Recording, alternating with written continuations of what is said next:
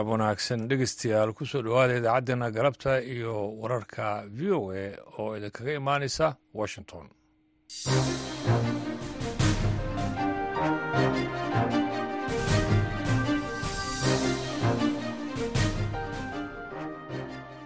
Dhegeystayaal waa galab khamiisa bisha februari ee sanadka labada kun afar iyo labaatankana waa sagaal iyo labaatan waxaadna haatan naga dhegeysanaysaan mawjadaha gaagaaban ee lix iyo tobanka iyo sagaal iyo tobanka mitrband iyo weliba boggena v o a somaali com. Idaacadda galabta iyo wararka v o a waxaa idiin soo jeedinaya anigu ah ibraahim xasan garabey daanduray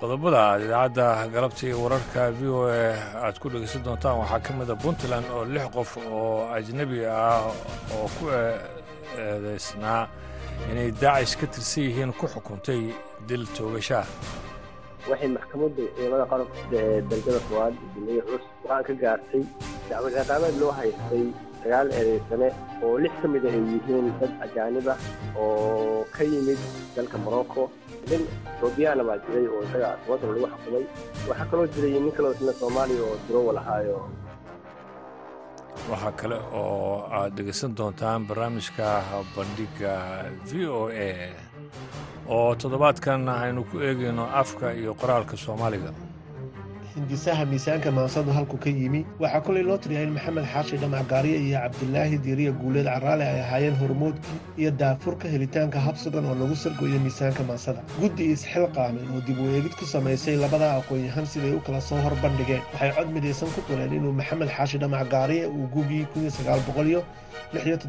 ku soo bandhigay miisaanka maansada xubinta dooda gaaban iyo barnaamijka dhakhtarka weydiiyey iyo qodobo kalena waa dhegeysan doontaan marka horese ku soo dhowaada warkii dunida.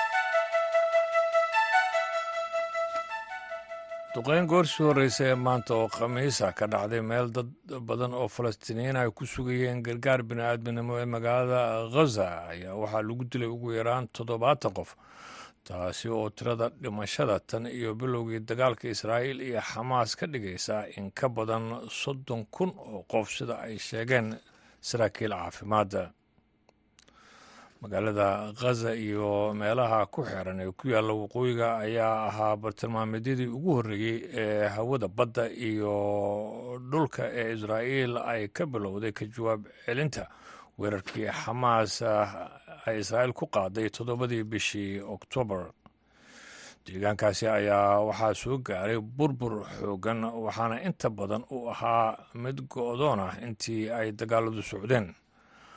Baabuur sida raashin ayaa gaaray waqooyiga khaza toddobaadkan waana gargaarkii ugu horreeyey oo muddo bil ah la gaarsiiyo aaggaasi sida ay sheegeen saraakiil arbacadii kooxaha gargaarka ayaa sheegay inaysan suurtagal ahayn in gargaar bini'aadminimo la gaarsiiyo inta badan khaza colaadda socota iyo kala dambeyn la'aan jirta awgood.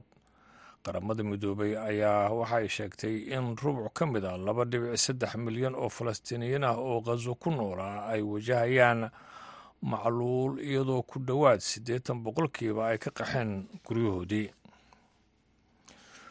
golaha sare ee maamulka dalkaasi suudan ayaa ku dhawaaqay maanta oo khamiisa in madaxweyne cabdilfataax al burhaan uu booqasho rasmiga uu ku tegi doono dalka masar war uu baahiyey telegram. Maanta oo khamiisa ayaa sheegay in burhaan uu wadahadallo la yeelan doono madaxweynaha masar cabdifataax el sisi waxaa kale oo kulankaasi la sheegay inay iskula soo qaadi doonaan sidii loo xoojin lahaa xiriirka labada dal iyo arrimaha danaha guud.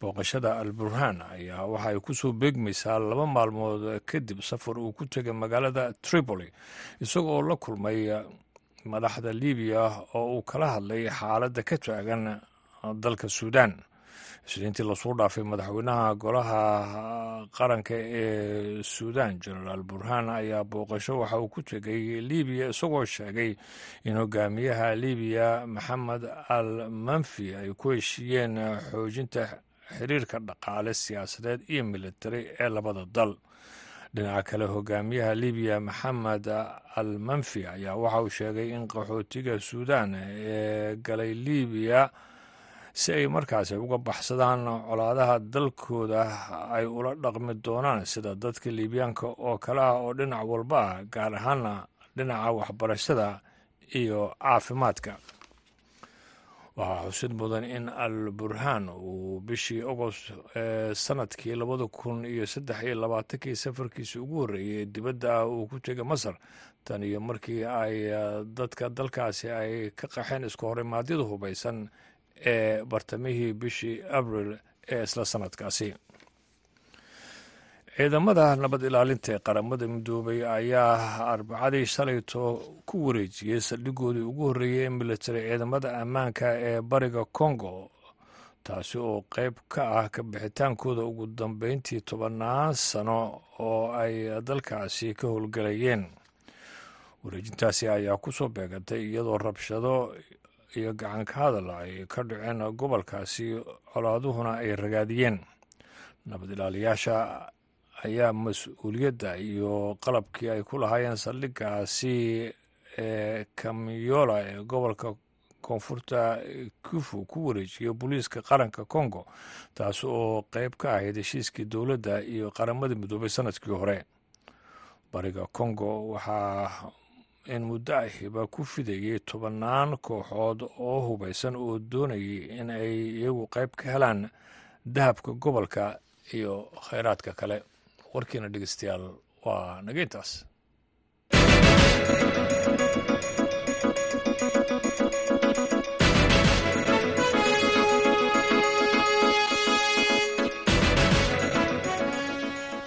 galab wanaagsan ayaan dhegeystayaal mar kale idin leeyahay aan ku bilowna maxkamadda darajada koowaad ee ciidamada ee puntland ayaa maanta xukun dil ah. Waxa ay ku riday lix nin oo dhalashadoodu ay ka soo jeedo dalka morocco kuwaasi oo maxkamaddu ay ku eedeysay in ay ka mid ahaayeen maleeshiyada ururka daacish ee fadhigeedu yahay buuraha caalmiskat sidoo kaleeto waxa ay maxkamaddu xukunno xabsi ah oo sanooyin ay ku rideen nin soomaaliya iyo nin u dhashay dalka etoobiya guddoomiye ku-xigeenka maxkamadda ciidamada ee shanta gobol ahna kusimaha guddoomiyaha maxkamadda kolonel cali ibraahim cusmaan ayaa wariyaha v o a faadumo yaasiin jaamac waxa ay ka wareysatay sida xukunku uu dhacay.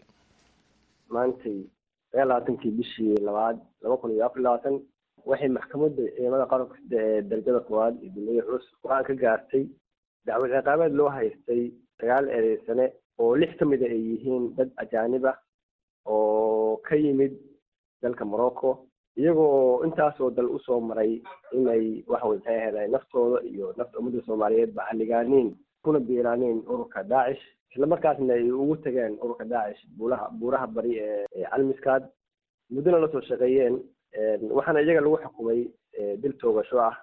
Waxaa kaloo jirtay dad iyagu nin ethoobiyaana baa jiray oo isaga toban sano lagu xukumay oo isna iyaga markaa la joogay oo ururka daacish markaas waxawey maxay waxaa laga soo qabtay soone balliga aaga unuun baa laga soo qabtay.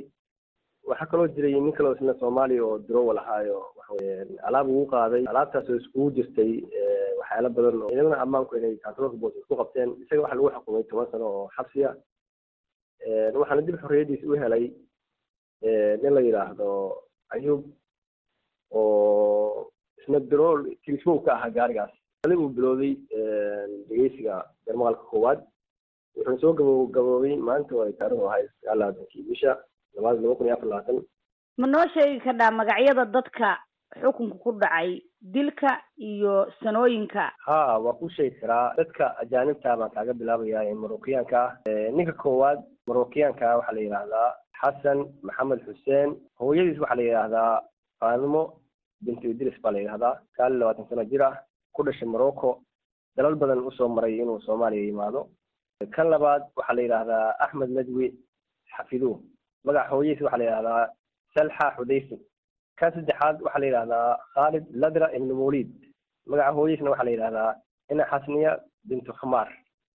Ninka afraad waxaa la yidhaahdaa maxamed ibnu maxamed axmed ina faadimo idris ninka shanaad oo marookiyaanka ah waxaa la yidhaahdaa ridwan bareekh bin xuseen ina faanimo binti maxamed.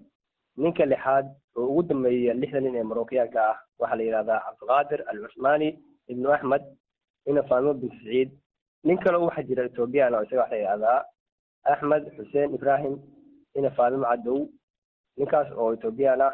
Waxaa jira laba nin oo soomaaliya oo midna xorriyadiisa helay midna toban sano lagu xukumay kan tobanka sano lagu xukumay waxaa la yidhaahdaa cabdiqaadir jaamac maxamed. Saama yaraa lagu naanaysaa. Ina caasho shire yuusuf baa la yidhahdaa waa dirowal gaari waday. Gaarigaas oo daacish wuxuu waday alaabo kala duwan oo iskugu jira agab iyo waxyaalaha kiimika ah oo laga sameeyo qaraxyada iyo waxyaalaha lamidka iyo kabaha iyo jaamaha kabaha la saaray iyo waxyaalaha lamidka oo loogu talagalay dhulka buuraleyda waxaa kale oo dib xorriyadiisi u helay oo maxkamaddu sii daysay maadaama uu ehlaawe noqday oo dembi lagu waayey nin la yidhaahdo ayub jimcaale maxamed marka inahaas weye guddoomiye dadkan maantay xukunada dilka ah iyo sanooyinka ah ku rideen. Qareenno mala ahaayeen eheladoodu ma joogeen. Ha dadka ajaanibta waxay lahaayeen qareen waxay kaloo lahaayeen turjumaan oo markaa luqadda u turjumayey eheladoodana maxkamadduna way la xiriirtay qareenkoodana wuu la xiriirayay oo eheladooda waa lala hadalsiiyey maxkamadda horteeda lagula hadalsiiyey wixii xukunkii soo baxaana eheladooda waa loo sheegay waxayna sheegeen inay racfaan ka qaateen. Oo xukunka aysan ku qanacsaneen ku dhacay. ha iyagoo dagaalamaya miyaa la qabtay dadkan iyagoo dagaalamaya lama qaban. Ismana soo dhiigin ciidamada dowladda puntland baa soo qabtay. Soone baladidin baana laga soo qabtay. Markaas de iyagoo dagaalamaya lama qaban balse waxa way maxay ahayday niman markii xeryihii jooga oo aagii dagaaladii ka socdeen jooga bay ahaayeen. Mana ahayn niman iska soo dhiibay marka racfaanka maxkamaddu ma siisay racfaanku process buu ku jiraa wakti buu qaataa muddo waxay leeyihiin bil soddon cisho gudahooday leeyihiin intaasay ku qaadan karaan racfaan iyagu qiraal ma ku ahaayeen? Dembiga aad ku eedeyseen dhammaantood qiraal bay ku ahaayeen. Marka laga reebo ninka soomaaliga oo yidhi isagu anigu alaabtan lay saaray nin baa ay saaray wuxuu igu yidhi shirkad baa lahayd maanan ogeyn. Laakiin nimanka lixdaaka iyo ninka etoobiyaanka waxay qiraal ku ahaayeen in ay dalalkoodii ka yimaadeen ayna ku qanceen fikirka argagixisanimada ee ururka daacish islamarkaasna ay halkaa uga yimaadeen ayna aadeen buuraha calmidkaad ee bari. Halkaasna ay ururkii ugu tageen oo talisyadii ugu tageen oo ay tababar ku galeen oo ay muddo joogeen oo ay la noolaayeen lana shaqayn jireen haddana ka tirsanaayeen ilaa imise sano ayay joogeen buuraha calmiska ugu yaraan laba sano way joogeen buuraha bari ee calmiskaad kaasina dhegeystayaal wuxuu ahaa guddoomiye ku-xigeenka maxkamadda ciidamada ee shanta gobol ahna kusimaha guddoomiyaha maxkamadda kolonel cali ibraahim cusmaan wuxuu u warrameeyey wariyaheena faadimo yaasiin jaamac sidii aad idaacaddeenni saaka aad ku maqasheen madaxweynaha puntland siciid cabdulaahi deni ayaa xalaytu soo dhisay golihiisa wasiirada cusub ee laga sugayey tan iyo intii dib loo soo doortay horaantii bisha janawari ee sanadkan golaha cusub ee xukuumadda puntland ayaa waxaa ku jira wasiiro cusub iyo kuwo hore. Warbixin golahaasi cusub ku saabsan ayaa waxaa garowe nooga soo diray wariyaheenna nuux muuse barjab. Magacaabista wasiirada oo maalmihii ugu dambeysay indhaha lagu hayay ayaa waxaa ka soo muuqday wasiiro badan oo loo daayay boosaskoodii. Sidoo kale wasaarado badan oo isdul saarnaa ayaa la kala qaaday taasoo soo kordhisay wasaarado cusub oo aan horey u jirin dadka ayaa siyaabooyin kala duwan uga hadlayay ilaa xalay markii uu soo baxay liiska wasiirada cusub ee puntland. Faysal axmed warsame oo falanqeeya arrimaha siyaasadda puntland iyo soomaaliya ayaa v o a uga waramay wasiirada cusub. Waxaa iga baxay horta marka koowaad inuu ku jiraan dad mucaarad ahaa oo weliba dad la tartamay madaxweynaha oo tartan galay iyo runtii dad kaloo mucaarad oo axsaabta kale ah oo kala duwanaa taas waxaa ka muuqata in ay xoogaa u muuqato in dad siyaasadaha dowladda awalka soo horjeeda ama ay dhinac kale aragti ahaayeen ay ku jiraan. Aragtida labaadna waxaa muuqda oo kale inay ku jiraan dad badan oo ama dad xoogaa ka yimid xagga federaalka ama ka soo noqday wasiiro ama ka soo noqday xildhibaano ayadana oo waaweyn inay ku jiraan. Taasna way muuqataa. Waxaa kaloo muuqda weli inay jirto ku haboonaanshaha boosishinada inuusan ayadan caddayn. Oo amcin caddayn waxaan ka wadaa wasaaradaha adeega bixiya oo serviska oo runtii ay ka mid caafimaadka waxbarashada wasaaradaha noocaasa anu ma oran karo qofka de hadduu gaaro heer management level inuu qofkaas aqoontiisa ama soo maamulay ma maamuli karo lama oran karo. Lakin waxay u baahan tahay dadkaasoo kale hadhowta lagu kabo. Agaasimayaal technicala oo shaqooyinkaas yaqaana si leadershipka xagga siyaasadda ahaan wasiirada u maamulaan. Wallahi wasiiro badan baa soo noqday oo tiimkiisa ahaa runtii dad cusubna way soo galeen. Isbedelka la filayey oo dadkii boqolkiiba boqol ma dhicin isbedelna wuu dhacay boqolkiiba boqolna maaha marka. Xasila kuleyt waa iska meel dhexe. Dhanka wasaaradaha ayaa loo soo jeediyey inuu tayeeyo madaxweyne deni. Wasiiradu waa bosition siyaasadeed madaxweynuhu inuu ku dadaalo dadka agaasimayaasha noqon doona oo amishiinka wada wasaaradaha. In noqdo aqoon leh karti leh ammaano leh wax badan dhaqaajiya oo runtii aan is leeyahay ayagaa u noqon doona micnaha aasaaska dowladnimada. Oo runtii dowladdiihii hore oo marka laga soo tago dowladdii cabdi muuse iyo tii cabdulaahi alla yarxamo iyo tii faroolaba ee dadka wax dhaqaajinaya waxay ahaayeen agaasimayaasha. Marka agaasimayaasha arrintooda in dib loo fiiriyo oy noqdaan dad karti leh oo shaqada wadi kara khibrad leh ammaano leh runtaas is leeyahay inay igu muhiimsan tahay.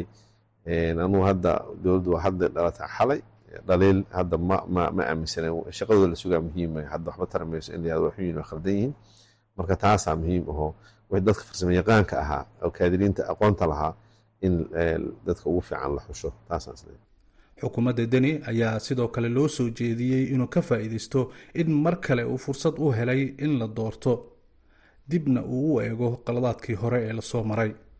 Runtii shaksiyan asaga howl weyn baa saaran mas'uuliyad ah. Ma dhicin madaxweyne puntland hore inuu ku soo noqdo xukunka. Ma dhicin ama geegan soomaalidaba. Arrintaas waxay weeyaan waa isagu guul uu gaaray shaksiyan laakiin khatarna ah. Khatarna ahoo haddii uu maskaxdii shalay uu maamulayay uu u qaata inay sax ahayd wax badanaa ka qaldamaya laakiin inuu la tashi badan suubiyo wixii ka qaldanaa wuu yaqaanaa khibradu le soo jabay. Shan sano dadkan maamulay inuu saxo. In wada shaqaynta dowladda federaalka isaga oo runtii asle wax badan culiyaasanta wasaarada qaarkood waa dansan yihiin waa barlis in la kiciyo in maaragtay wada shaqaynta la wanaajiyo inuu loobin u garo dhaqaalaha dadka. Runtii oo is leeyahay isagana hoos u dhac dhaqaalaha jira dalka oo imaad ganacsiga iyo ummadda in laga warqabo oo runtii uu maaragtay halkaasna xoog la saaro.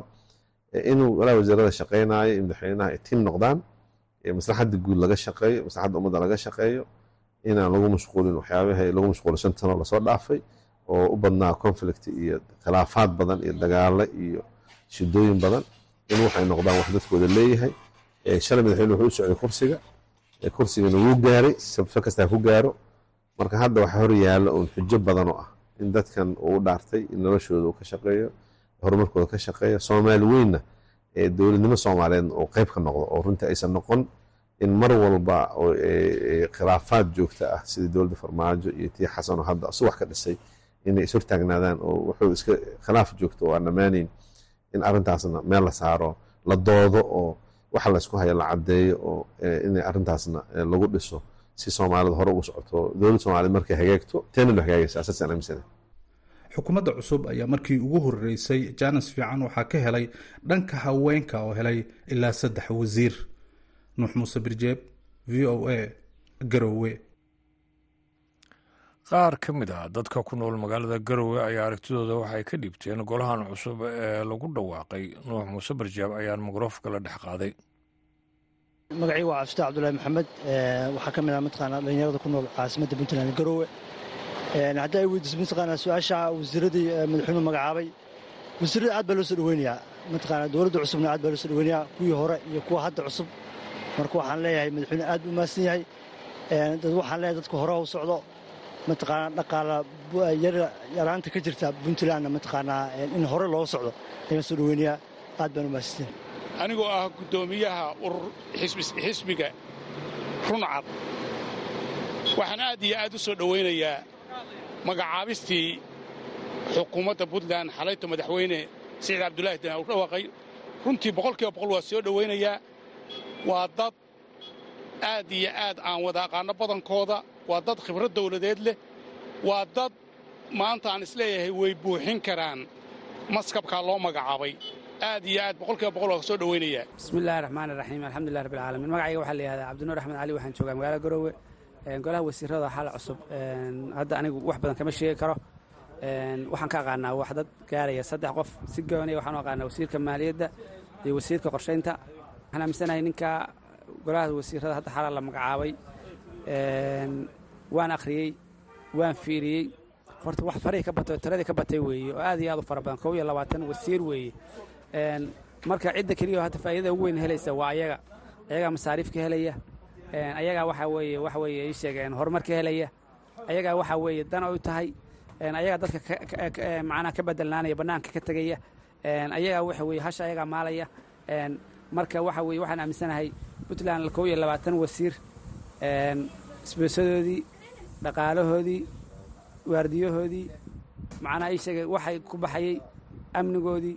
Horta ayaga laftirkooda dadka iyo waxa dambe ku soo fayli doono oo macnaha ayaga ah iyo kuwa lagu soo dari doono waxa weeye waa de waxaan u arkaa dadka in maarata loo soo labistay sidii maaragtay shaqo looga qaban lahaa. Marka laakiin hal farriin aan rabaa inaan u reebo waxaan leeyahay hal farriintaan leeyahay waxa weeye ogaada qof kasta waa mas'uul baa leeyahy wuxuu mas'uul ka yahay waxa isaga la raaciyey waxa wasiirada la magacaabay baarlamaanka weli ma ansixin. Hadduu baarlamaanku ansixiyo oo ay baarlamaanka ka guulaystaan oo ka gudbaan inkastoo aan jeclaan lahaa baarlamaanku inuu dhex galo oo la mooqalo oo maaragtay waxa weeye waxa dad dad shaqayn kara laga reebo wixii aan kalo ay arkaa inay xal lahayn bannaanka u saaraan ka reebaan. Waxaan kula talin lahaa niman yahow halka farriin u diray wasiirada waxa niman yahow rag waxay tihiin odayaala niman yahow waxaa laydinku soo keenay sheeg waxa la yidhahda qabiil baa laydinku soo xulay. Niman yahow qabiilka la dil laydinku soo xulay marka kitaabka la ilmariyo qabiilku halishu waa iska bedelmaysa ributlandna baa u shaqaynaysaan niman yahow ilaahay ka baqa subxaana wa tacaala dadkaanna u shaqeeya dowladnimada soomaaliyana ka shaqeeya. Bismillahi raxmaan raxiim abwaan xuseen maxamed ibraahim loona yaqaan casaan. Wasiirada horta waa u hambalyaynaynaa aad iyo aad baan u soo dhowaynaynaa ta kale ilaahay waxaan uga baryaynaa kuwii waxqabad fiican la yimaada ilaahay ka dhigo. Midda kale waxaa la yidhi nin kuwan qaadka cunaa baa gebiyey. Wuxuu yidhi intuu qaad soo qaatay baa nimankuna war qaadkaasi waa baarix. Markaasuu wuxuu yidhi mar haddaanan laanaan dhishiya dhidis ka waayaynin. Way kala dhig kii soo dhiciyo kii hore dharay markaa waxaan uga jeedaa dadka shacabka ah reer puntland dawladdu waxbarasho kama bixiso biyo kama bixiso laydh kama bixiso nadaafad kama bixiso. Markaa mar haddaanay odhan karayn dawladdii marnaba walbal wixii kale ha joogeene macallimiintahay annagaa mushaaridii siinayna dadka bilaash wax ugu dhiga.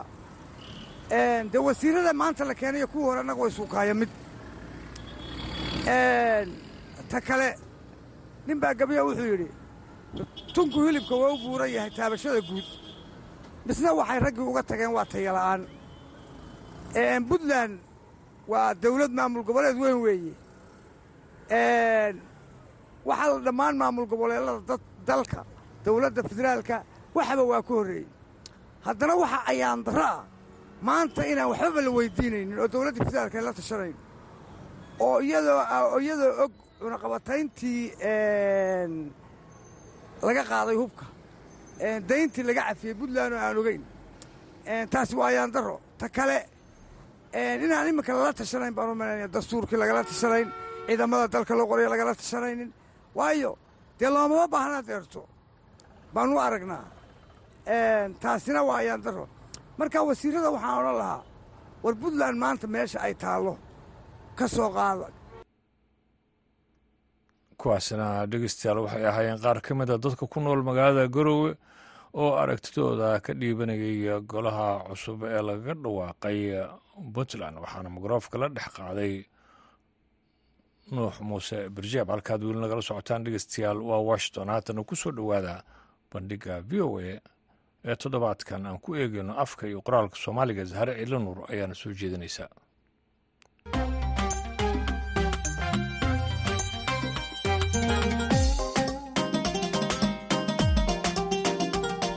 wacan wanaagsan dhegaystayaal kuna soo dhowaada barnaamijka bandhigga v o a oo toddobaadkan aanu ku soo bandhigi doono adeeg casri ah oo iyadoo la adeegsanayo farsamada tiknolojiga ama kombyuutarka hal abuurka abwaanada iyo suugaanleyda soomaaliyeed ay ku hubin karaan miisaanka maansada badaha maansada soomaalida iyo xarafraaca amaba higaadda qoraalka soomaaliga adeegan waxaa lagu magacaabaa laaxin jire waxaana laga heli karaa internetka.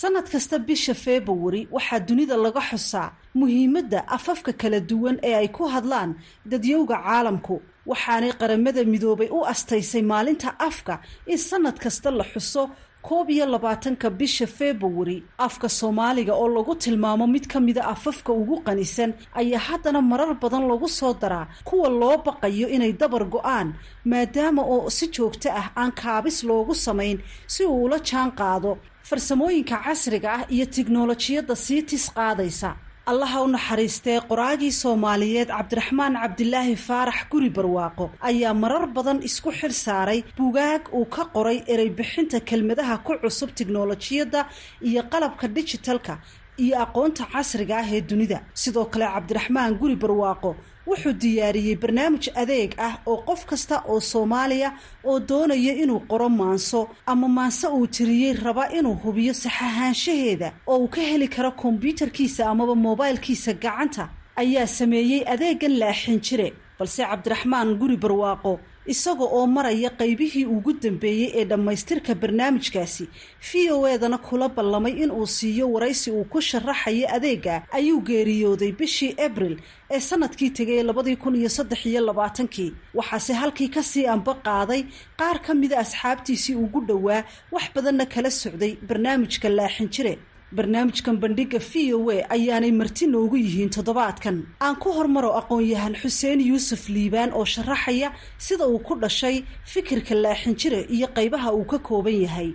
Aragtida saamaynta barnaamijka laaxin jire waxay marxuumka cabdiraxmaan ku dhalatay gugii laba kun iyo lix marka waxaan ku guda jiray akhriska buug xisaab ah oo la yidhaahdo elementary number theory and its applications.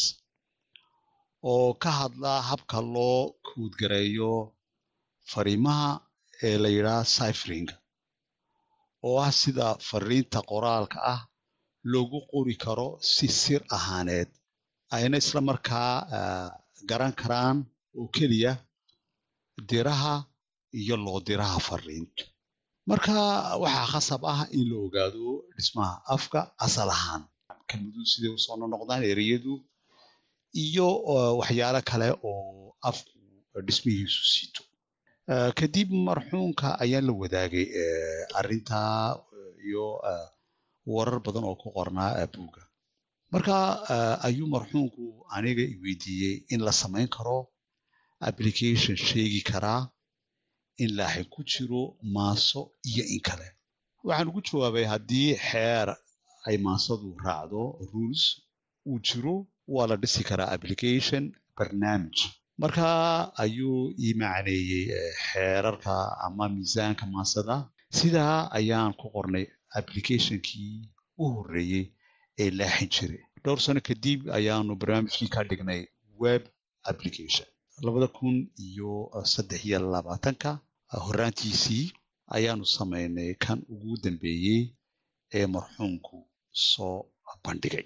Marka xuseenow laaxin jire ma miisaankii iyo dheelitirkii maansada uunbuu dadka ka caawinayaa inuu u saxo mise xataa qoraalkaad geliso higaadiisa iyo khaladaadka soo geli kara hab qoraalkaasi wuu ka caawin karayaa qofka adeegsanaya sidaan hore xusay waxaanu samaynay mareeg laga heli karo oo aanu ugu magac darnay institution uu sameeyey marxuumku waxa mareegtaasi ay tahay www hayan institute com. Halkaa waxaa ku jira laba barnaamij oo kale ah. Kow laaxin jire laaxin jiro waxa uu hubinayaa in laaxin ama delaqaaf ku jiro maasada barnaamijka labaad waxaan ugu magac darnay asoore. Wuxuu isagu shaandhaynayaa qormada ama maasada la tiriyey. Marka wuxuu sheegi karayaa inta ereey uu ka kooban yahay maasadu amase inta xaraf iyo waxyaalo kaleo la hadmaada waxa kale oo garab socda barnaamij kale oo dhammaad ku dhow lana yidhaah higaad jiri. Waa spelling corrector applicationkaasi wuxuu sixi doonaa sida loo qoray ereyga. Maanta waxay inoo muuqataa in dadkii ninba siduu u dhawaaqayo uu qorayo ereyga. Runtiina qofka uu qoraya ma qaldana mar haddaanay jirin meel u toosisa ereyga qoraalkiisa ama aanu baran qoraalka afka.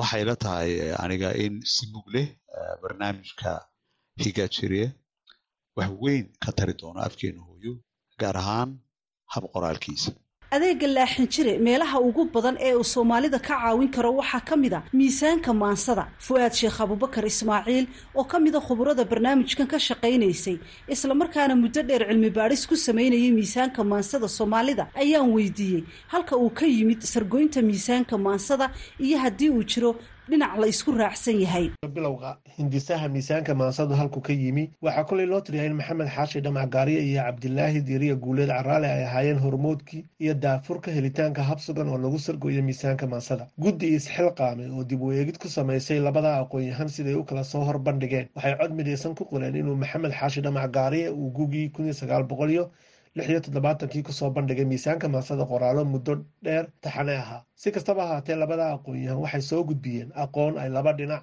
ama laba habraac oo kala duwan ka istaageen sida loo sargoynayo miisaanka maansada waxaana ii suurto gashay inaan labada aqoon-yahanba ka waraysto hababka kala duwan ee ay soo bandhigeen mudane cabdiraxmaan cabdilaahi faarax inaguli barwaaqo wuxuu qaatay aragtida gaariye kuna hirgeliyey in iyadoo la adeegsanayo barnaamij uu sumadiisu ka dhigay laaxin jire hirgelinta iyo horumarinta aragtida miisaanka maansada ee gaariye ayaa keentay inuu soo baxo barnaamijkan laaxin jire waa gartay fu-aad. Marka sidee loogu kalsoonaan karaa adeegan laaxin jire ee qalabka tiknolojiyadda loo adeegsanayo si loo saxo maansooyinka iyo qoraalada afka amaba farta soomaaliga ku qoran kalsoonida lagu qabi karo barnaamijkan waxay ku sar go-an tahay in intii ay hawshiisa iyo hirgelintii socotay uu mudane cabdiraxmaan guri barwaaqo sameeyey tijaabooyin badan oo uu ku tijaabiyey maansooyin badan oo ku dhisan badaha kala duwan ee maansada. Markaa tijaabada badan ee la sameeyey waxay kordhinaysaa kalsoonida qof kasta oo adeegsada barnaamijka laaxinjira uu ka qabi karo. Taasina waxay suurtogelisay in dad badan oo kale ay sii tijaabiyaan ilaa iminkana lama sheegin maanso aanu barnaamijku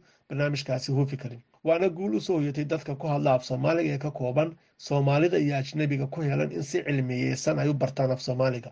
Waxaana abaal loogu hayaa mudane cabdiraxmaan cabdilaahi faarax guri barwaaqo oo iskii isku xilqaamay inuu ummadda u fududeeyo hirgeliyana barnaamijka laaxin jire haddaba adeegan laaxin jire sidee ayay u isticmaali karaan?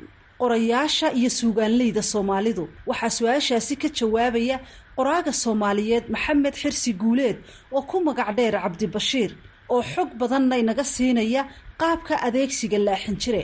Barnaamijka laaxin jire haddii aad rabto inaad adeegsato oo aad ku hubiso ama ku tijaabiso maanso aada curisay amaba cid kale curisay marka hore gal degalka internetka ee hayaan institute dot com oo uu leeyahay maxadka hayaan ee gacanta ku haya barnaamijka laaxin jire. Marka uu kuu furmo eeg dhinaca bidix ee kore oo ka raadi ciwaanka laaxin jire. Markaa aada hesho guji marka bogga kuu soo baxa fiiri dhinaciisa bidix.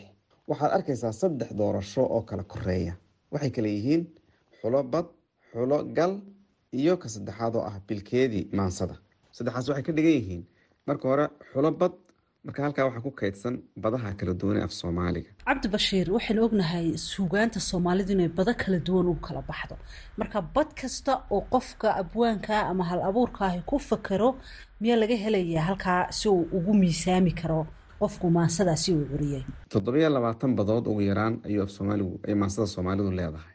Cabdiraxmaan guri barwaaqo ilaahay u naxariistay wuxuu leeyahay ilaa afartan badood ayaanu tijaabinay. Marka waabay ka badanta toddobiyo labaatan ilaa afartan buu ayuu gaarsiiyey marka adigu badda aad u malaynaysa inay tahay maansadaada ayaad dooranaysaa kabacdi galka ama faylka ay maansadaada ku kaydsan tahay baad haddana furanaysaa ood soo dallacaysaa kabacdi waxaad dooranaysaa bilkeedii oo xagga hoose ah oo markaa maarata kuu sheegaysa kuu tijaabinaysa. Laakiin markaad halkan joogto waxaa lagaa rabaa inaad afar shardi sugto oo aad garanayso. Kow waa in aad taqaano badda ay tahay maansada aad rabto in aad tijaabiso. Laba waa in ay maansadu kuugu kaydsan tahay notebad ama r t f iyo wixii la mid a lama ogolo word document iyo b d f. Saddex waa inaad taqaano galka ay ku kaydsan tahay ee kombyuutarkaaga galal kala duwan baa ka jira halkaas. Kombyuutarkaaga uu leeyahay. Marka afraadna waa inaad marka aad xuranayso badda waa inaad hubisaa in aad dooratay bad sax ah. Waan gartay. Markaa barnaamijkan laaxin jire maxaad is leedahay wuu ku kordhin doonaa hab curinta iyo tayada suugaanta soomaalida. Barnaamijkan ama agabkan laaxin jire waxa uu runtii tayeynayaa wax weynna ka tarayaa curinta iyo hal abuurka maansada soomaaliya. Horta marka ugu horeysa waxa uu ku barayaa sida loo abla ableeyey maansada iyo badaha kala duwanay maansadu leedahay. Oo maansadii lagu akhriyay baad odhanaysaa waa badheblaaye waad u abtirinaysaa. Taas waa faa-iido weyn oo dadkao dhami ani hore u aqoon faa-iida labaade uu leeyahay waxa weeyaan laaxin miisaanka ayuu laaxin hadduu ku jiro kuu sheegaya. Sidoo kale deelqaaf hadduu ku jiro xarafraaca ama qaafiyadda ayuu kuu sheegaya. Marka ereyadana waa inaad kala fahanto laaxin iyo deelqaaf laaxinku waa miisaanka deelqaafkuna waa xarafraaca haddaba haddii intaa ay kugu filaan weydo oo aada u baahato faahfaahin dheeraad ah waxaad akhridaa hagaha laaxin jire oo isla boggan hayaan institute com ku jira dhinaciisa midig oo xagga hoose ah. Waa bugyaro soo koobaya barnaamijka oo dhan. Guud ahaan dhegaystayaal barnaamijkii bandhiga v o a ee toddobaadkan waa naga intaa. Tan iyo kulankeenna dambe waa sahre ciidla nuur oo idinkaga tegaysa sidaa iyo nabadgelyo.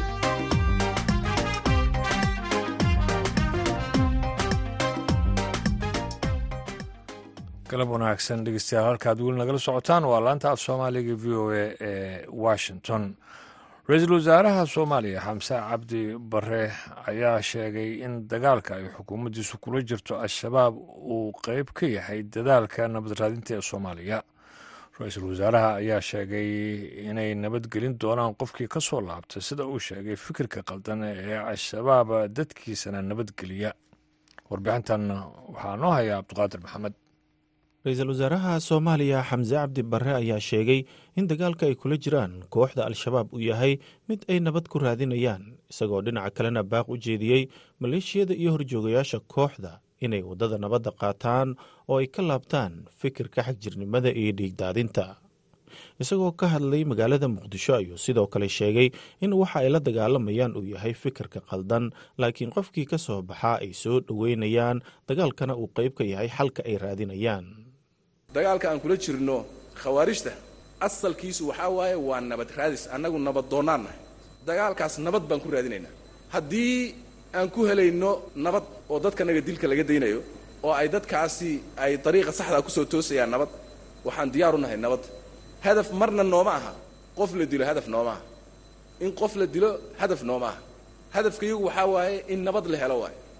Marka waxaan ugu yeeraynaa mar kale dhallinyarada soomaaliyeed iyo duqowdaba kuwa duqowana wala joogaane ee maskaxdu ka kharibantay ee caqiidadu ka xumaatay ee dhumay waxaan ka codsanaynaa inay jidka saxdaa ku soo toosaan. Annaguna waxaan u ballan qaadaynaa inaanaan ayaga dagaal bersonal ah kula jirin. Hadday ka soo laabtaan waxaas waa walaalahayo. Sidaa aan haddeertaan aan dee examples fara badan aan ka sheeg sheegi karo oo kuwii awal horeba waxaas ku jiray hadda aada og tihiin sida ay dawladdaani u accommodate garaysay iyo sida ay ay maxaan ku dhahaa ay u sharaftay iyo sida u karaamaysay.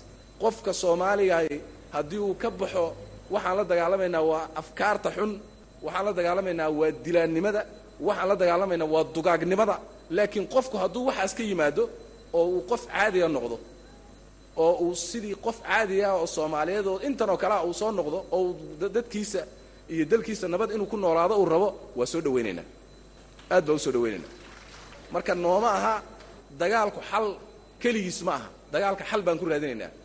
Laakiin xalka ugu dambeeya waa wadahadal inkastoo aysan ahayn markii u horreysay ee madaxda soomaaliya ay baaqidan oo kale u jeediyaan kooxda shabaab ayaa haddana baaqa ra'iisul wasaare xamse wuxuu ku soo aadayaa iyadoo dowladda soomaaliya ay isu diyaarinayso in amniga dalka ay kala wareegto ciidamada midooda afrika ee admis kuwaas oo la sheegay in dhammaadka sanadkan ay soomaaliya ka bixi doonaan axmed kaboole oo ka faallooda arrimaha ammaanka ayaa qaba in baaqa ra'iisul wasaaraha aysan kooxda si sahlan ku qaadan doonin maadaama ay wakhti dheer dagaal xagga fikirka ah kula jirto dowladda soomaaliya.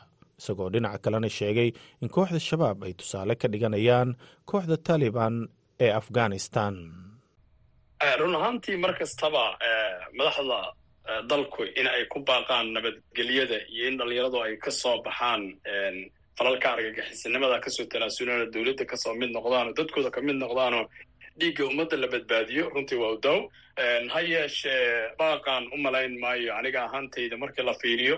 Uma malayn inay wax iska bedelayaan dagaalada al-shabaab iyo inay hadda furimaanta ka soo baxaan ra'iisul wasaarihii yaa yidhi soo carar ay leeyihiin ma jirto. Sababtoo ah toddobiyo toban sanaa dagaalkaanu socday. Dagaal shaksiya ma ahan waa dagaal ideolojiyad sida ayaga lagu dagaalamayo waa dowladnimadii iyo niman maaragtay al-shabaab oo ayaguna isku arka inay maaragtay qaab islaamiyahan rabnaa ay leeyihiin waan ku dagaalamaynaa marka furimaha ma soo banaynayaan al-shabaab waxaa moodaa in ay sawir ka dhiganayaan qaabkii taliban oo ila wareegtay afghanistan markii amerikaanku labaatan sano ka dagaalamayeen ay ka baxeen hadda waktigan waxay ku soo aadaysaa atmis oo labada kun iyo afar iyo labaatanka december dalka ka baxaysa.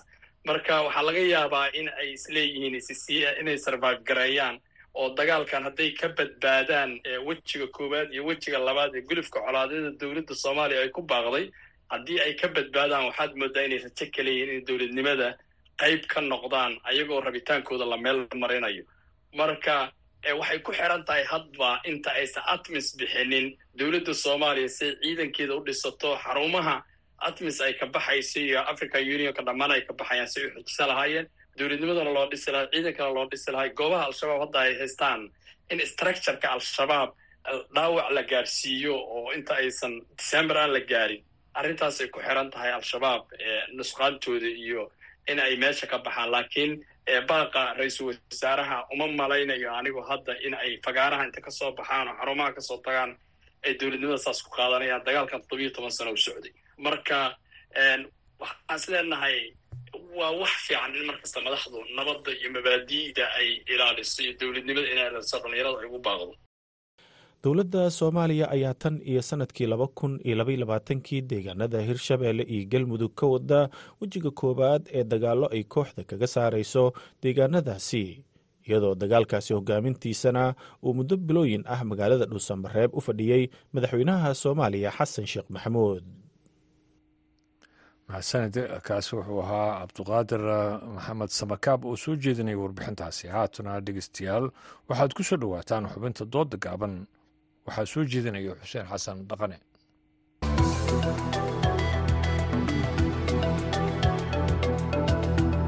Kulanti wacan dhegaystayaal kuna soo dhowaada xubinteena dooda gaaban. Isticmaalka baraha bulshada sida facebook sannadihii ugu dambeeyey aad ayay u kordheen dadka soomaalida ahna aad ayay u xiiseeyaan. Haddaba maxaa lagu tilmaami karaa? Ma dhanka wanaagga ayaa loo isticmaalaa mise dhanka xumaha waa xubinteena dooda gaaban. Waxaa igu marti ah cabdiraxmaan yarow shiikh iyo cabdifataax xaashi cismaan. Labaduba waxay ka mid yihiin hormuudka dhallinyarada magaalada baledweyne jawaabta waxaa ku hormaraya cabdiraxmaan yarow sheikh. Facebooka runtii boqolkiiba adiga lixdan wanaag ayaa loo isticmaalaa. Horta facebook wuxuu qaadaa shan boqoloo shan kun oo ruux. Shanta kun oo ruux oo kala jooga qaaradaha shanta qaaradood adduunka. Aan dad isgarana dad isgaranayn runtii minad waxaad soo dhigtid dadweynaha laga sii daawanaa. Marka la dhahaa dhanka hadda dowladda kale markii wax soo barnaamij news ay soo dhigaan meesha ugu horeyso lagala socdo waa facebooka haddii aan fiiriyo dhanka social media all marka fiiriyo hadda whatsappka kale wuxuu leeyahay guruubyo oo lagu sheekaysto. Group family oo kale dadka familka ah ay kuwada sheekaystaan oo meeting ku sameeyaan kuwada hadlaan. Group waxaa jira asxaabta ah group adiga qofkii xanuunsan xataa dhaqaal looga aruuri karo. Runtii waxaa isdhihi karaa adduunyada waxaa kooga dhigay dad kuga nool. Social media boqolkiiba lixdan wanaag ayaa loo isticmaalaa. Waa maasantaha cabdifitaax social media maanta wax faa'iidaa uu leeyahay. Waa la dhihi karaa wax waa iska jiraan laakiin anigu uma arko inuu faa'iido yeesha fara badan leeyahay. Side effectiisu annaga waxay nagu reebtay haddaan nahay bulshada wax weyn. Waxaa ka mid a dhalinyaradii horta si waalan ayay ugu daateen si xaddhaafaa loo isticmaalaa side effecti noloshii oo indhihii dhibaato fara badan oo ku keenay araggii dadka. Waxyaaba kaloo ku keenay waxaa ka mid a waxbarashadii oo gaaba. Canugii caawo dhan uu ku soo jeedaa facebook subaxii iskuulkii u laguma karo sidaa daraaddeed anugu waxaan u arkaa inuusan wax faa'iidaa bulshada ku soo kordhin oo oon yahay khasaaro. Wax hadda laga faa'iido facebooka laga soo faa'iiday ama whatsappaa laga soo faa'iiday ama social media instagramka iyo waxyaabaha bulshadu hadda aad ugu mashquulsan tahay anigu oo cad oo la taaban karo ma sheegi karo. Cabdiraxmaan cabdifataax wuxuu leeyahay dhibaato waxaan ahayn oo laga faa'iiday baraha bulshada gaar ahaan facebook ma jirto. Dhibaato wax la horta ma jiraan. Haddaan dhanka wanaag u fiiriyo boqolkiiba boqol adiga muxuu ahay wanaag yaa loo isticmaalaa. Marka hal qof hal iyo laba laga reebo xumaan wado mooye. Mida kale hadda marka la dhaha dhanka waxbarashada la tago facebook ardayda jaamacad wada dhigto oo farasti galaas ah marka ay isma garanayin aqoonsku mala waxay ka imaadeen gobollada soomaaliya gobollada ka imaadeen. Waxay samaysanayeen group gruubinkaas ay akhbaarta isku wada wadaarsanayeen xagga examinationka haddii fasax uu jiro haddii cudurdaar ay jirto haddii adiga waxa abdheed ay jiraan meesha ay ka wada socdaan waa meeshaas ay ka wada soconayeen xagga hataa jaamacadaha qaar xagga business hataa muxuu ahay waxaa laga samey waxaa lagu samaystaa facebook xayeysiin marketing. Marka waxaan dhihi karaa aad iyo aad ayuu social media ay wanaagsan yahay waa maasantaha cabdifataax anagu ma nihin dalalka horumaray adduunka ma nihin sababta waa dowladaha waaweyn ee isticmaala facebook dadku isticmaalaan waxay leeyihiin wax la yihahdo fafreeb anagu fafreebkaas ma lihin. Marka annaga saameynta uu nagu leeyahay iyo faa-ida nagu leeyahay boqolkiiba sagaashan waxaa badan dhibaatada uu nagu leeyahay. Anigu waan xasuustaa masaajida yaa wax lagu akhrisan jiray habeenadii cashirada lagu ceshan jiray iskuullada aad aad loo dhigan jiray. Wixii hadda waa baaba-een waxyaabahaas dhibaatadaas keenan hadda waxaa ka mid oo dhalinyarada mashquuliyey waa social media. Qofkii maanta dhan jatano ku jiraa xitaa haddaa la fadhiiso maanta oo xataa shahwada cabaysa meel fadhiiso jatano ku jiraa waa kaa maqan yahaba howl ku mashquulsan yahay. Taas xitaa waxay reebtay qaabkii xiriirkii bulshada u wada nooleed inay isheeg saameyn ku yeelato. Marka anagu kuma dayan karno wadamadan hormaray qaabkii hadda u isticmaalaan control kale oo xitaa la xadidi karo qofka laga xadidi karo anaga dowladeenu maanta wax ma xadidi karto. Sidaa daraaddeed marka qofku fuxsh inuu geliyo inuu qabyaalad geliyo inuu wax bulshada iska horkeena geliyo inuu qof shaksiya oo caayo u geliyo inuu waxyaaba dhalinyaranimada xoogaha aan aad u fiicnayn diinta ku wanaagsan dhaqankeena ka soo horjeedo la geliyo waxyaaba saas unbuu nagu soo kordhiyey oo fasahaadkii uu ku sii bato mooyaane ma dhihi karo. Faa-iido ayuu nagu soo kordhiyey anagu ma dhihi karo. Cabdiraxmaan yarow sheekh horta facebooka faa-idada uu leey waxaa ka mid ah. Bimathalan dad asxaab ah oo adiga xaafadda ku wada noolaay for security aan ahaan adiga ayna kulmi karin ay fadhiisan karin meel ku fadhiisan karin ayaa waxaa ayagoo sariirtooda jiifa. Nin singapore jooga iyo nin jooga soomaaliya ay wax ku sheegeysanayeen social media. Waa tan fududeysay. Mathalan qof beledweyne joogo mathalan qof boosaaso jooga ayaa waxaa justina wuxuu ogaan karaa qof jooga xaaladda kismaayo wax ka dhacay ogaan karaa. Waxaa fududeynaya mid france atiina kismaayo jooga adigoo beledweyne jooga adigoo social media kuwada sheekeysanayeen ayaa kismaayo ka dhacaysa ka dhacayiin isla marka kuu kuleeya waxaasaa dhacay waxa u fududeynaya waxay tahay waa social media. Faa-iidada uu leeyahay saamaynta ku leeyahay bulshada waxaa ka mid ah dhankaas ka mid waxaa kaloo ka mid ah dhanka dhaqaalaha. Markii hore waxaan jirtay qofka markuu joogo sacuudiya mase yurub uu jira mase america waxaa waxaan jirtay in lagu shubto hormuud shan doolar adiga lasti ama toban oo lagu hadlo qofkaas. Markaa rabtay hadal fiican inaad hadashid laakiin hadda waxaa ku shuban kartaa oo yar labaatan ishi senti oo efisiya kaas oo kula hadli kartid muddo ada laba maalin. Waxay waxaa ka mid waxay ka mid tahay dhaqaalihii oo adiga ay oo muxuu ahay oo su dhac ku dhacay. Macnaha dhaqaali markii hore hayo hayo waayo shan doolar lagu hadli jiray sacuudiya. Haddana waxaa lagu hadlaa labaatan shan senti lagu hadlaa laba maalmood. Faa'iidaday ka mid tahay. Waa maasantaha cabdifataax horta walaalkay wuxuu sheegay wax uu asagu u yaqaano faa'iido laakiin anu anu aqaan laba qodob qodobkood waxaa waaye wuxuu yidhi qofku asigoo gurigiisa joogo la sheekeysanaa dad kale oo ka duwan for of security. Taas waxa waaye waa qaraabo goosnimo waay dhaqankeena ka mid maaha inuu qofku asagoo meel kale joogo oo dad la sheekeysto waxa waaye in laysku tago leesoo marxabeeyo shaa leesla cabo leesoo fadhiistaa dhanka dhaqano ah.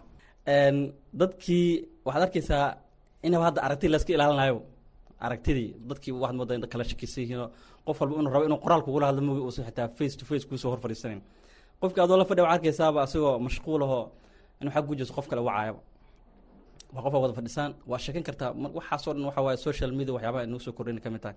Waxyaaba kaleeto anugu hadda aan arkay problemka oo social media soo kordh waxa waaye dhaqaalihii waa uu wuxuu ku yahay deficit wax la yihahdo dhaawacuu ku yahay. Hooyadii waxay ismacaalaysaa social media aabihii social media wiilkii social media gabadhii social media. Kullin waxa loo baahan yahay lacag lagu ismacaalo wax lacag la'aan oo free charge wisha ku shaqeynaya ma jiro.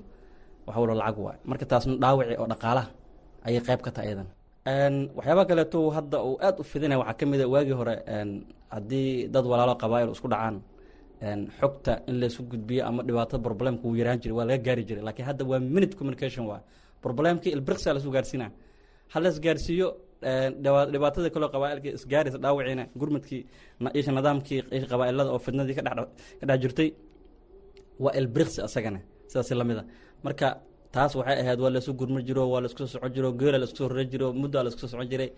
Isgaarsiintu xoogaha ma ahayn sidaan xawligan faraha badan ma jirin. Taas waxay xal u ahayd in xal ciyaalo la gaaro xalka uu ama dhibku fududaado. Lakin hadda dhibkii waxaa fududaynayo social mediahana wixiiba ilbirqsi ka dhigayaba problem nagu soo kordho waa. Cabdiraxmaan yarow sheekh waxaa dhiman adigoo beledweyne ka tagay oo america tagay. Qofaa garanaysa aqoon u leedahay ayaa ka mid gobolka gobolka hiiraan degmo ka mid ah ku dhimanayo jestina daqiiqad markuu dhintay toban daqiiq gudaheed waxaa ku ogaanaysa qofka u dhintay. Teleefon teleefon laguma soo kolgareynin ee waxaa ku ogaatay waxay tahay social media waa facebooka qof xanuunsaday sida maalan adigoo qof muqdisho jooga xanuunsan karo adigoo beledweyne jooga waxaa ku ogaan karta social media kala socon kartid. Runtii waxaan ka dhigaa facebooka mase social media marka lasku soo duubo faa'iido aad iyo aad weyn ayuu bulshada ku leeyahay cabdifataax wuxuu leeyahay cabdiraxmaan akhbaarta deg dega ah ma ahan xumaan oo keliya dhinaca wanaagga iyo dadka in war fiican gaaro. Qeyb ayuu ka qaataa. Dadkeenu waxay yidhahdaan maalinba maalinta ka dambeysa adduunyadu way sii xumaanaysaa.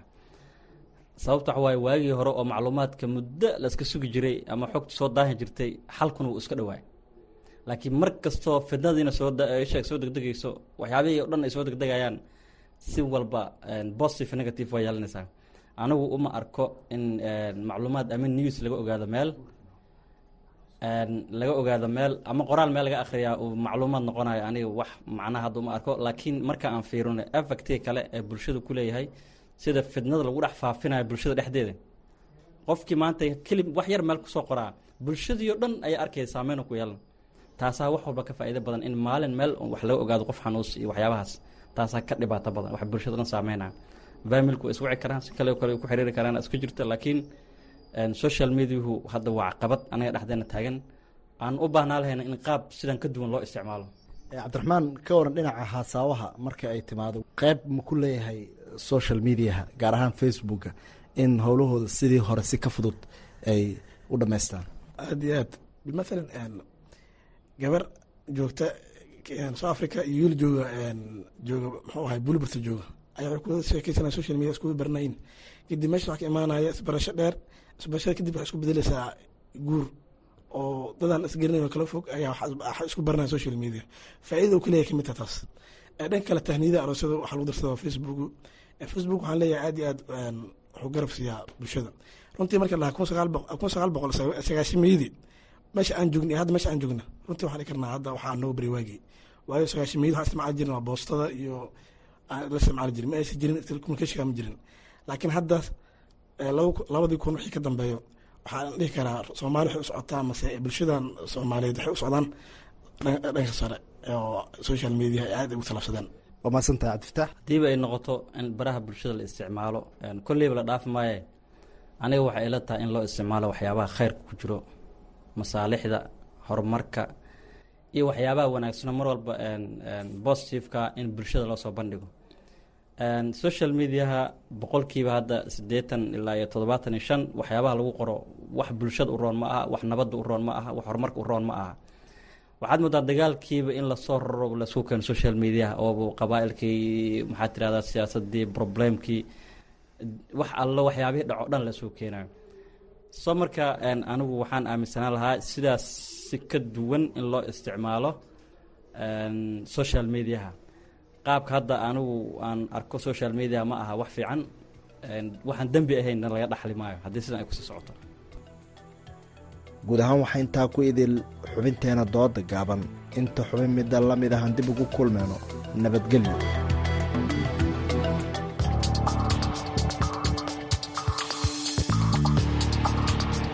Dhowaada dhakhtarka weydii dhakhtarku waa doctor cawaale maxamed cabdulaahi oo ku takhasusay qalliinka guud iyo keliyaha barnaamijkan waxaa qabta goor sii horreysay. Bismillaah magacaygu waa liibaan ibraahim axmed. Marka koobaad dhakhtarka waa mahadsan waa mahad celina iyo v o a aygana waa mahadsan yihiin barnaamijka su'aasha aan weydiina waxaa waaye qalimooyinka guud oo kale buro oo ku jirta layidhi buro horta maxay tahay? Maxaase sababi kara burooyinka? Buro waxa keena inta badan lama yaqaano waxaa jirta culammada inta badan waxay dhahaan qofka inay jug gaartay in wax stimuli chemical reactions jirka isbedelay. Waxaa kaloo loo sababaya burooyinka inay kaanaan oo kale environmentiga sababtoo hadda dadkii waxaa isbedelaya habdhaqankoodii waagii hore dadka saad ogeed waxaa la isticmaali jiray wax dhulka ka yimaada. Laakiin muddooyinkan dambe waxaa imaantay inay dadka isticmaalaan wax la soo diyaariyey oo preservative oo qofkii la dhahay raashinkan wuxuu dhacayaa shan sano hadda naga dhiman. Maanta la soo saaray shan sano kadib. So chemicalskaas meesha ku jiro inta badan waxay samayn karaan inay bedelaan unugyada maxaa la yidhaahdaa qaabkii markooda u shaqeynayn inay intay ka bedelaan oo unugyo badan ay soo baxaan. Burada waxaa loo kala saaraa laba nooc mid halis ah iyo mid miskiin ah. Midda halista ah oo inta badan dadka dhibka ku hayso waxaa ka mid a mid ay dhahaan prostatic cancer oo inta badan hadda ragga burada ugu badan ama kansarka ugu badani ku dhaca ay tahay dumarkoo kale waxaa ku dhaca burada ay dhahaan naasax ama kansarka naasax si guud burada iyo kansarka waa isku wada macno. Macnaa waa barar meel ku yimid waaye. So waxa ugu muhiimsan marka waxay tahay in la ogaado. Maxaa la sameynaya marka la arko? Waxay ku xirantaha mar walbo meesha ay ku taalo. Hadday ku taalo kale jirka hadday ku taalo lafaho kale hadday ku taalo si gooniya loo maamula. Haddii ay ku taalo xubnaha caloosha iyo feeraha iyo maskaxda hadday ku taalona si gooni ayaa loo maamulaa meel haddii buro lagu arko mar walba dhib ay ku haysaa ama dhiig badanay bixinaysaa ama waxay sameynaysaa qofkii koriimadii waxyaabahaasi ka hortegaysaa ama neeftii waxay ku celinaysaa ama qofkii kaadida ku celina haddii prostatic cancer. Ama haddii kansarka naasoo kale hadhowta wuxuu keeni karaa inuu sii fido oo feerihi waxaas dhib u sii geysto gabadhii nolosheedii waxaas iyo hadhowtii halis kale u sii geysto. So mar walba waxaa muhiima burada in la helo qof dhakhtar ah oo daaweeya markana doctor cawaale ayaa wuxuu ka hadlayaa sida loo daaweeyo burooyinkaasi waxaa loo baahan yaha waagii hore waxaa burooyinkaas loo daaweyn jiray inuu hal dhakhtar qaliin bas loo daaweyn jiray. Laakiin hadda waa la ilbaxay waxaa la sameeya inta badan in la helo dhaqaatiir ku dhowaad afar ilaa shan dhakhtar si dhaqaatiirtaas ay ay wada daaweeyaan. Mid uu daawo siiyo mid uu radiation waxay dhahan ama shuuca uu ku daaweeyo mid uu ku daaweeyo qaliin marka intaasoo dhaqaatiira loo baahan yaha macnaa hal qof keliya ma ma daaweyn karo. Dad badan ayaa waxaa laga qalaa soomaaliya burada dhuunta iyadoo taasi ay ka cabanayaan rag iyo dumarba. Dadka ayaa qaar waxay yidhaahdaan waxaa taasi keena cabidda shaahiga kulul iyo waxyaabo kale. Doctor cawaale ayaa wuxuu ka hadlayaa waxa keena buradaasi ka soo baxda dhuunta. Buradaas afka qalaad waxay ku dhahan isovagal cancer ama burada dhuunta. Burada dhuunta annaga soomaaliya waxyaabaha la isweydiina waxaa ka mid a maxaa keena? Weliba baaritaano aan sameyna oo annaga iyo khubaro kaloo caafimaad aan sameynayn waxay ahayd inaan fiirino ma sigaarka iyo khamrada. Soomaalida ogtaa khamra ma cabaan laakiin sigaar waa cabaan. Miyaa keena? Mise waxaa keena? Sheex cabidda. Burada waxaa la sameeyaa wax la dhaho histological. Histology waxaa ula jeedaa in inta la baaro la soo ogaado nooca ay tahay. Soomaaliya waxaa ku badan noocaan idhaan squamous cell carcinoma oo aan ula jeedo nooc ka mid a oo inta badan ay keento sigaar cabidda iyo waxaan ay yidhaahdaan alcoholka. Soomaaliya way ku yartahay waxaa ku yar alcoholka. Soomaaliya aaday ugu yartahay laakiin sheex cabidda oo soomaaliya ku badan oo ah in la rabay adeno carcinomada nooci kale inuu ku bato kuma badna. Taas ayaa keenta marka soomaalida ayagoo raashin kulul cunaan sheex kulul cabaan. Haddana uusan ku badnayn noocii la rabay inuu ku bato. Noocan oo adeno carcinomada wuxuu ku badan yahay china iran meelahaasoo aad ugu badan chile sababta raashin kululay cunaan annaga marka waxaan ugu badan kii yurubta galbeed ku badnaa oo u keenaya alcoholki iyo u keenaya taas oo nooga baahan inaan baaritaan sameyno so marka waxay leeyihiin wax walbo sababo u gooni ah oo loo sababaa jirto. Tusaale kale haddii qofka qoyskiisa qof ka mid a hadduu qabo kale waa loo sababeeya oo la dhahaa. Haddii aabo kale ama hooyo kale haddii kansarka qabto kale qofka way ku dhici kartaa waxyaabaha kaloo loo sababeynao kale waxaa ka mid a hadda waxaan ka hadlayn oo kale raashinkan waxyaabahan cunayn oo kale ayadoo kale waa loo sababeeya. Waxaa kaloo keeni kara inkastoo waddankeena ku yara laakiin reer galbeedka ku badan yihiin radiation waxay dhahaan. Warshadaha waxyaabahan bimiska ka soo baxayo ama ama shucaca ka soo baxayo. Taasoo kale ayadana waa loo sabeeya waxaa lahaa inta badan wuu keenaa. Laakiin raashinka kulal aan ka hadlayna ayadana wuu keenaa laakiin nooc kaloo keena adeno carcinoma oo kansarka dhuunta ku dhaco nooc ka mid a intaasna waxaa ku dhan dhakhtarka weydii umarti ku ahaa dhaktar cawaale maxamed cabdulaahi oo ku takhasusay qalliinka guud iyo keliyaha intaa markale ku mid doono sidaa iyo nabadgelya waxaan idiin soo jeedinaya anigoo ibraahim xasan daandure idaacaddeenna waa naga intaas sidaa nabadgelyo